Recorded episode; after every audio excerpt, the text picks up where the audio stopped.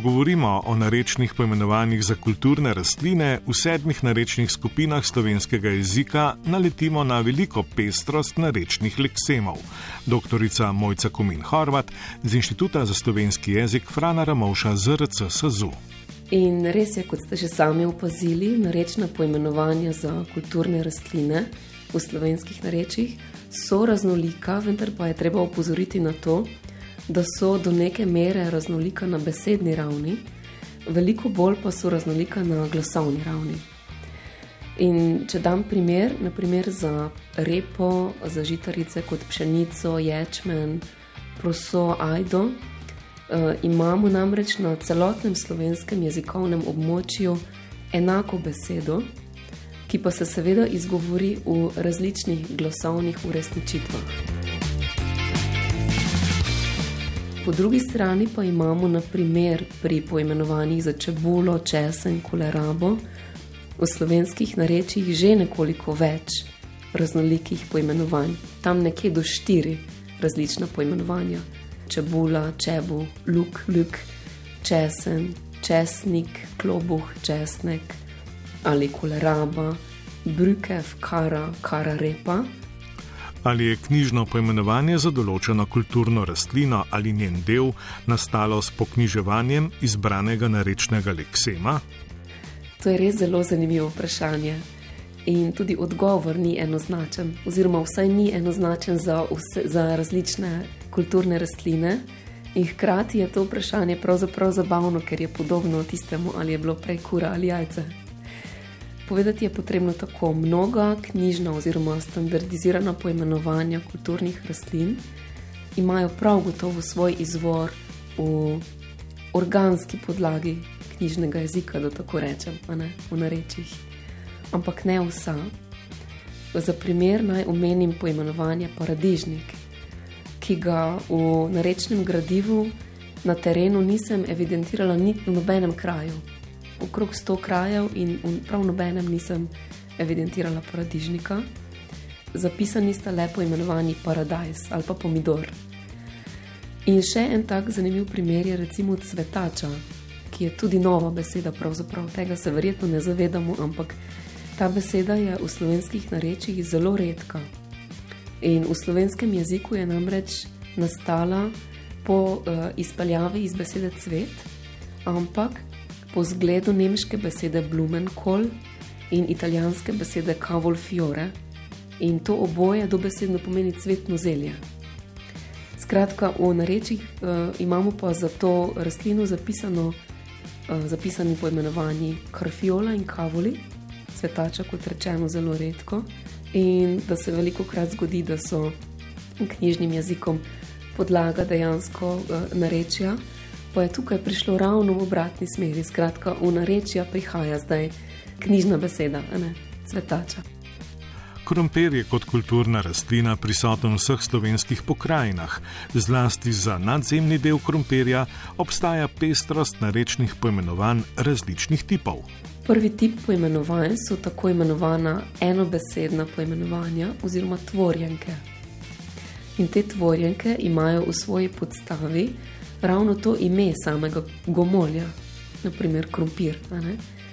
In najbolj pogoste tvorjenke so krompirjavka, krompirjavec, krompirja vina in tudi krompirjavica, nekoliko redkejše pa še krompirišče, krompirica in krompirnovka. Od poimenovanj tega tipa, se pravi od tvorjenk, naj omenim še bobovka in bobovščnica, ker na tem območju krompirju rečejo Bob. To je območje eh, šta, eh, stik Štajerske in Panonske narečne skupine, okolica Slovenske bistrice in eh, Ptujske gore. Zanimivo pa je tudi poimenovanje čompovje. To je pa res uh, en tak mali del uh, slovenskega jezikovnega območja, samo na Bovškem rečejo krompirju čompe in potem posledično nadzemnemu delu čompovje.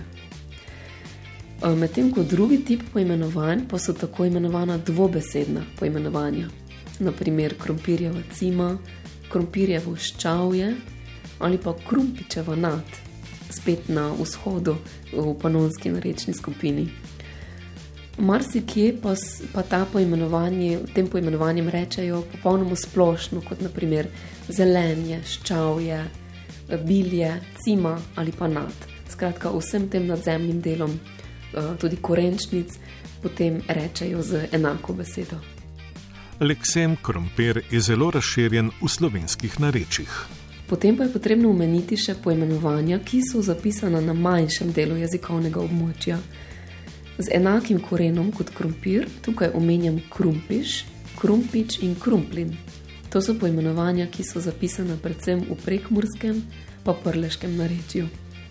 Omenila sem že tudi čompe na bovškem, potem pa so zelo zanimiva še poimenovanja na koroškem, kajti krompirju tam rečejo repa oziroma tudi repica. Prav v enem krevnem govoru in sicer v ljubnem obsavinju pa sem zapisala poimenovanje koroška repa. Ker je zanimivo, da krompirju rečejo koroška repa, tistemu, kar pa v knjižnem jeziku rečemo repa, pa oni rečejo krajinska repa. Skratka, vidimo, da se v narečjih res nekaj zanimivega dogaja.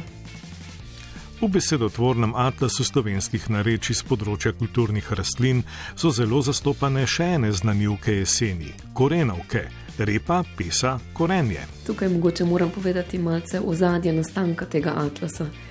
Atlas namreč temelji na mojem doktorskem delu, katerega glavni namen je pravzaprav bila raziskava tvorjenosti rečnega besedja na čim večjem območju slovenskega jezika.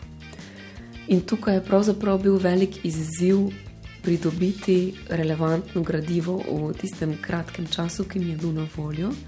Skratka, relevantno gradivo tako, podlagi katerega bi se res dalo raziskovati besedotvorne značilnosti slovenskih narečij. In po začetnih testiranjih eh, znanega gradiva, naprimer gradivo za slovenski jezikovni atlas, za slovanski jezikovni atlas, se je izkazalo, da tisto gradivo za besedotvorne raziskave ni ustrezno, ker ima pač premajhno besedotvorno diferenciranost. Zaradi tega sem se potem odločila izbrati tematsko oziroma pomensko zamejeno besedje spomenskega polja rastline, oziroma natančneje kulturne rastline. In tukaj sem potem obdelala poimenovanja uh, zvezi z rastlinami, ki zrastejo na vrtu, sadovnjaku in na polju. In uh, zanimiva ugotovitev, oziroma neke vrste potrditev pri tej raziskavi, je pravzaprav bila ta, da so poimenovanja za kulturne rastline v slovenskih narečjih pravzaprav zelo enotna zelo malo diferencirana na besedni ravni. Recimo repa, pesa, kot smo rekli, sta razširjeni tudi v slovenskih narečjih. Po drugi strani pa se je izkazalo, da so veliko bolj zanimiva poimenovanja za dele rastlin, torej za ta nadzemni del krompirja, kar sem omenila predhodno. Prav tako besedotvorni atlas izkazuje bogatstvo narečnih leksemov za slamo žitaric, od koruze in pšenice do ječmena, rži in ajde. In uh, pokazalo se je, da je poimenovanje za slame pogosto tvorjeno s priponami ica, ka, ina in išče.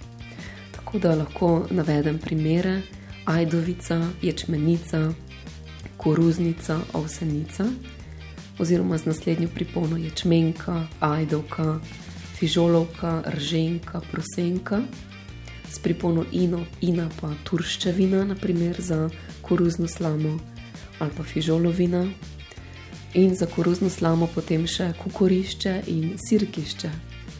Medtem ko v obrobnih narečjih, naprimer v prekmurskem narečju ali pa v celotni primorski narečni skupini, pa se je izkazalo, da je bolj pogost tip besedno-zvezdna poimenovanja.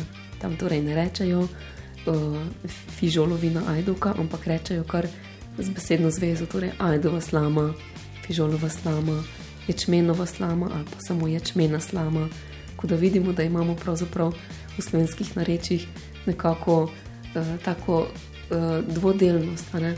na obrobih, uh, ta dvodelna besedno zvezna poimenovanja, v središču pa pogostejša, tvorjena poimenovanja, enobesedna poimenovanja.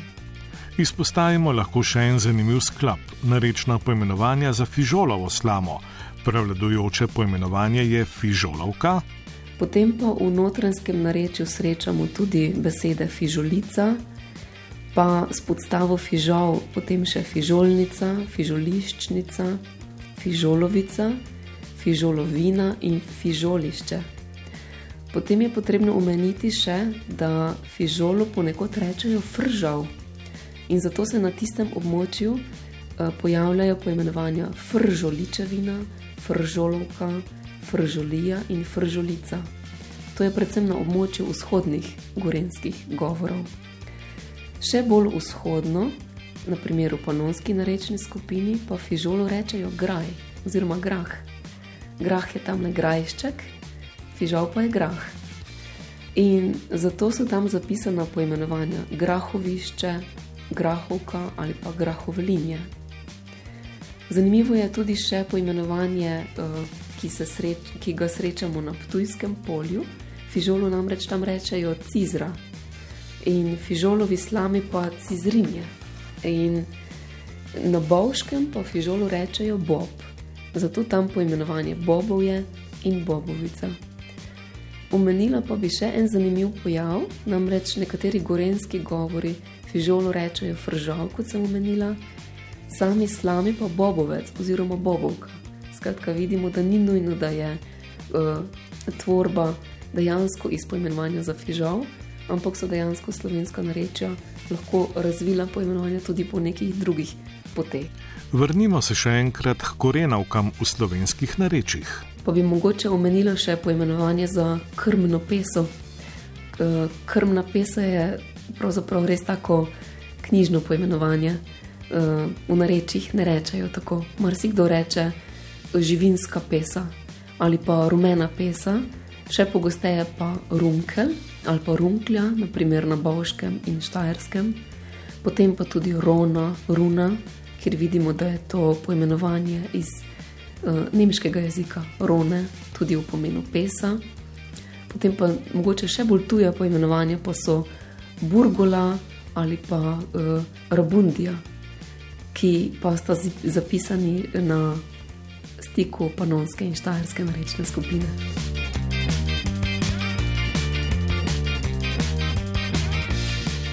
Tudi rdeča pesa kot taka je zelo redka v narečjih.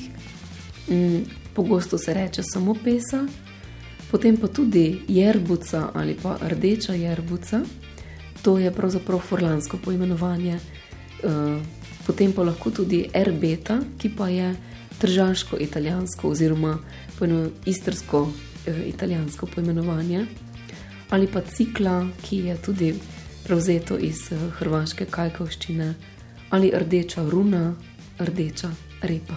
Skratka, vidimo, da je v narečjih vedno nekako zelo pisana množica poimenovanj v primerjavi s knjižnim jezikom.